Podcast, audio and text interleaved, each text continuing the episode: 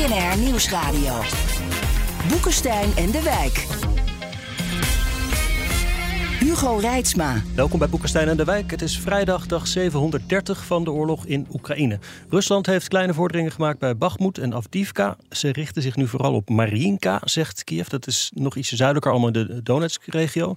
Door een Russische aanval op een winkelgebied in Odessa zijn drie doden gevallen. In Dnipro raakten vier mensen gewond door een drone op een flatgebouw. Oekraïne heeft naar het lijkt een tweede keer in korte tijd een succesvolle raketaanval uitgevoerd op een Russische trainingsfaciliteit in bezet gebied, waarbij veel Russische soldaten zijn gedood. Dat is eigenlijk het voornaamste wat ik heb gezien. Ja, en wat we dus op dit ogenblik zien, en ik denk dat dat echt wel cruciaal is, is dat uh, er in die uh, hele Donbass-regio, dus zeg maar helemaal het uiterste oosten van het, van het front, dat is richting Kharkiv, zeg maar. daar wordt nu over vier assen simultaan aangevallen door de Russen. En dat betekent dus dat ze voor de eerste keer in staat zijn geweest om echt georchestreerd zo'n grote aanval uh, in te zetten. En het idee is nu uh, dat er wordt gestreefd naar een, uh, naar een uitbraak in de richting van de Oskil. Dat is een rivier. Mm. en dat betreft dan een, een heel stuk, eigenlijk van Stadtoven, een, nou wat zal het zijn, ik denk een 150 kilometer naar beneden, naar het plaatsje Oskil, die, waarna die rivier is genoemd. En uh, dat betekent dus dat ze zullen proberen, is de inschatting om een stuk land in te nemen van, laten we zeggen, 150 kilometer van noord naar zuid en pakweg een kilometer of 30, 50 uh, van oost naar west. Hm. En als dat gebeurt, uh, dan, ehm, dan ontstaat er een echt een strategisch nieuwe situatie. Uh, want dit betekent dan uh, dat uh, de Russen buiten het geschut komen van de Oekraïners. Ze kunnen dan hun logistiek kunnen ze beter gaan vormgeven. Ze zijn in staat om ook manoeuvre-oorlogvoering uit te voeren. Dus met groot, groot, ja, grote, zware eenheden met tanks en dat soort wapens zijn ze dan in staat om grote bewegelijke oorlogvoering uit te gaan voeren. Dat is echt iets anders dan die loopgravenoorlog die we tot nu toe hebben gezien. Ja, weet je, en dan wordt het, wordt het wel echt een groot probleem. Hmm. Uh, als dit gaat uh, gebeuren. En dus um, uh, wat we met Avdivka hebben gezien, dat was echt een, een, ja, een tactisch succes. Maar als je zo'n doorbraak weet te creëren, dan wordt het een strategisch succes. En dat kan dus ook de zaak op een hele andere lees gaan schroeien. En wat heel eng is, is dat het gebied achter Avdivka is dus plat, hebben we verschillende keren al gezegd.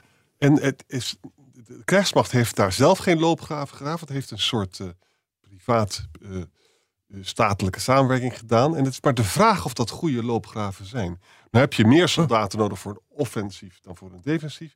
Maar ik heb daar geen gerust gevoel ja. bij. Het is echt een groot gebied. Hè? Want als je dus uh, op de kaart kijkt, zoek het even op, pak erbij wat mij betreft.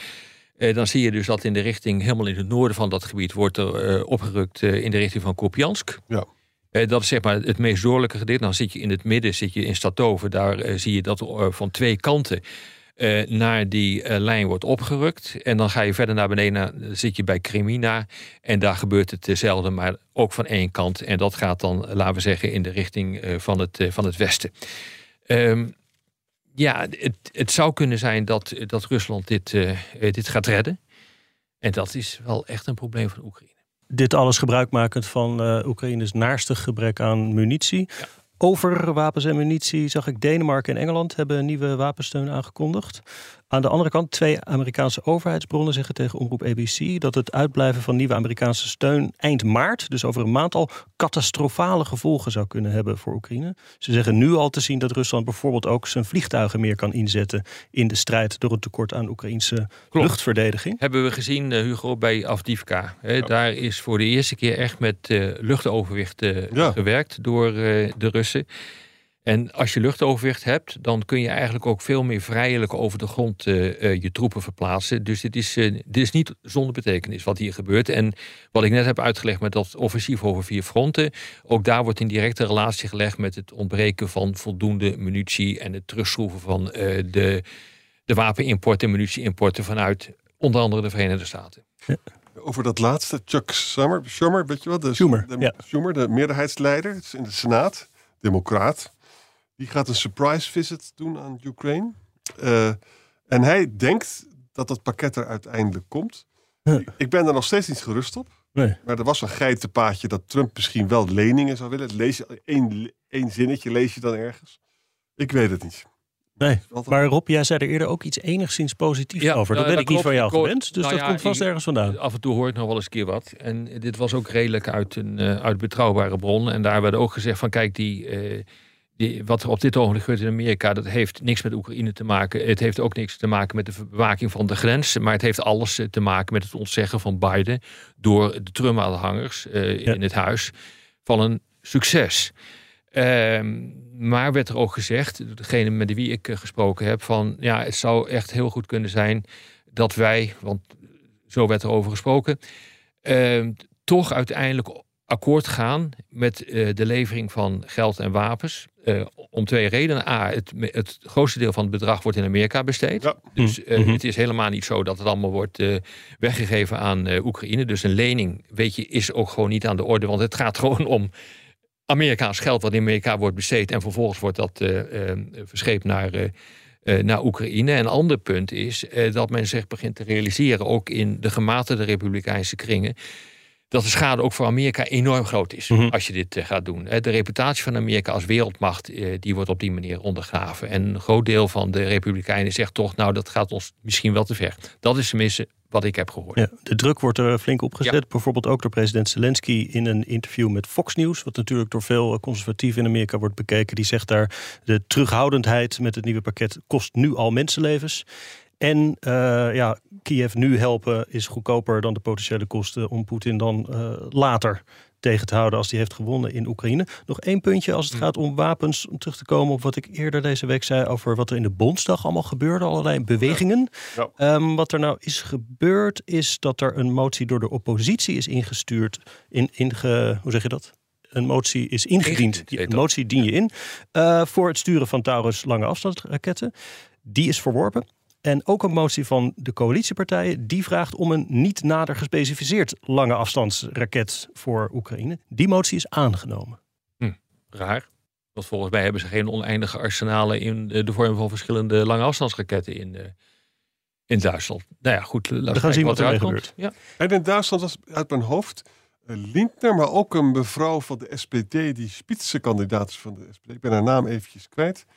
Die beginnen ook over Europese veiligheid te praten. Be- Beginnen zelfs Mhm. te praten over dat je moet proberen Frankrijk uit te nodigen om het Franse kernwapen te integreren in een Europese. ja, er is nu een discussietje gaande in Ja. Duitsland ook over een, eh, Ja. over een nieuw kernwapen. Ja, Ik, eh, ik heb daar stukken van gezien, maar het is allemaal erg fuzzy, moet ik eh, zelffusie. Maar het speelt wel. Het speelt wel en het wordt ook platgeslagen. En eh, ik vraag me namelijk ook af of dit allemaal wel kan.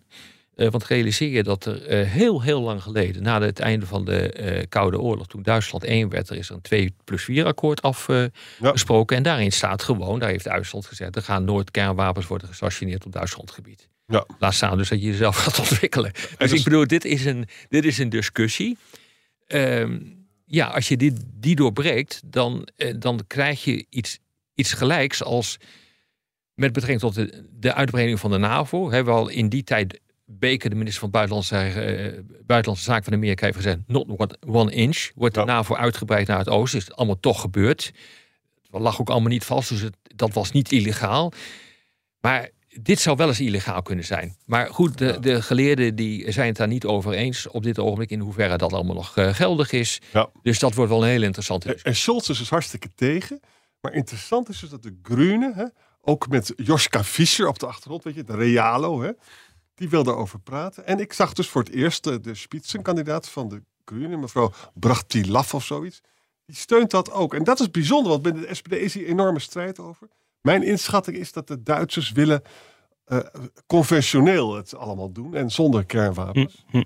Ja, dat is natuurlijk ook. Maar weet je, dus die, die opmars, dat succes van Rusland, dat zet wel druk op de ketel Ja. op dit ogenblik. Dat geldt natuurlijk ook voor uitspraken als Medvedev, van, eh, die dan vervolgens weer roept, maar die man die Grossi is sowieso... Ja, is die man eigenlijk nog serieus te nemen? Nou ja, ik bedoel, het probleem is natuurlijk, als op het moment dat die soort mensen succes eh, eh, boeken, eh, dan gaan ze door. Ik bedoel, die Hm. komen dan in een soort Hosanna-stemming terecht en die als een Polonaise gaan ze dan achter elkaar en dan rukken ze op naar, naar Kiev, bij wijze van spreken.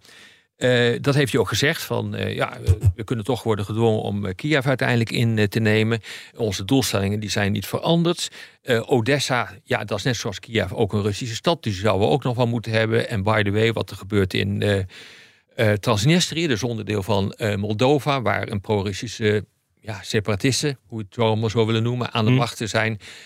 Daar wordt waarschijnlijk nu een, ehm, een referendum eh, voorbereid Ja. om te kijken of dat land misschien, dat deel van het land misschien bij Rusland zou moeten. Exact. En dat zou me ook niet verbazen als dit gebeurt. En dan Hm. kom je weer terecht bij scenario's die we helemaal in het begin hebben besproken over Ja. een landbrug van Rusland via de Krim en Odessa naar Transnistrië, wat 50 kilometer verderop ligt. Ik weet nog uit die tijd, dat stond zelfs op een kaartje Ja. dat, eh, hoe heet die knakker van Belarus? eh, Lukashenko. Lukashenko. dat Lukashenko op, op tv presenteerde. En daar stond dat. Dat iedereen, hé, hey, wat doet dat pijltje daar? Ja. ja. Ja. Dat zijn de plannen. Overigens is Poetin eh, ook heel druk bezig met eh, Ja, nucleaire... Dus stralend stapt hij uit een nieuwe supersonische bomber. Dus een, eh, een vliegtuig dat eh eh, kernraketten kan eh, afgooien. Hè? Hij zegt nu dat 95% van de Russische strategische nucleaire raketten, dus die landbased zijn gemoderniseerd. En bijna 100% van de maritieme component. Ja, dat is heel duidelijk ook. Dat, dat wordt met heel veel bombardie gezegd. Om alleen maar te, om, ja, afschrikking. Hè?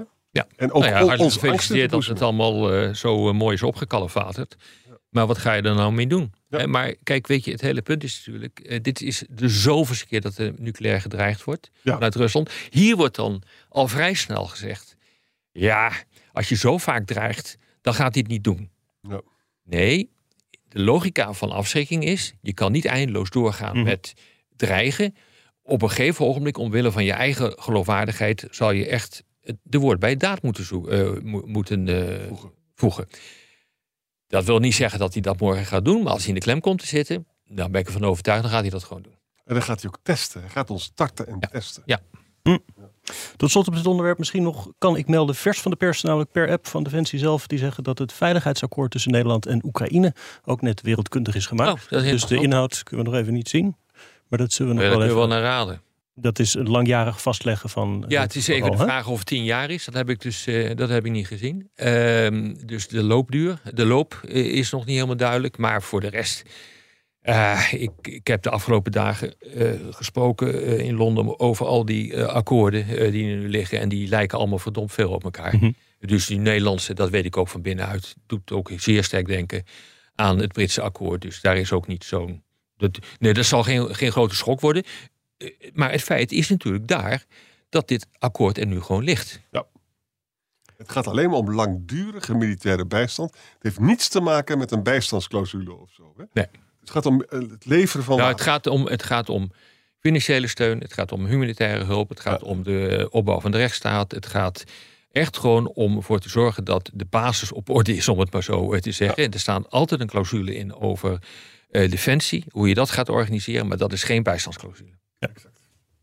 Door naar het Midden-Oosten, eh, waar het dodental in de Gazastrook de 30.000 nadert inmiddels. En ook het aantal gewonden, de 65.000 of zo. Ja, dat is nog een stuk meer. Netanyahu heeft nu eindelijk zijn plan wat er de day after gaat gebeuren. Hè? Weet je wel, in de Gazastrook zelf. Nou, dat is, betekent dat eh, Israël behoudt de veiligheidscontrole in Westbank en Gaza. En dan willen ze dus drie dingen tegelijkertijd, waar eigenlijk spanning tussen is. Ze willen demilitariseren, ze willen deradicaliseren. En het succes van de deradicalisatie, daaraan de rehabilitatie, dat wil zeggen reconstruction, dus de opbouw, laten afhangen. Ze willen dus niet met Hamas werken, maar met lokale vertegenwoordigers. Nou, één ding, hè. Hoe denk je nou dat je mensen kan deradicaliseren als je eerst zoveel hebt kapotgeschoten? Ja. Waar, waar is de common sense? Hm.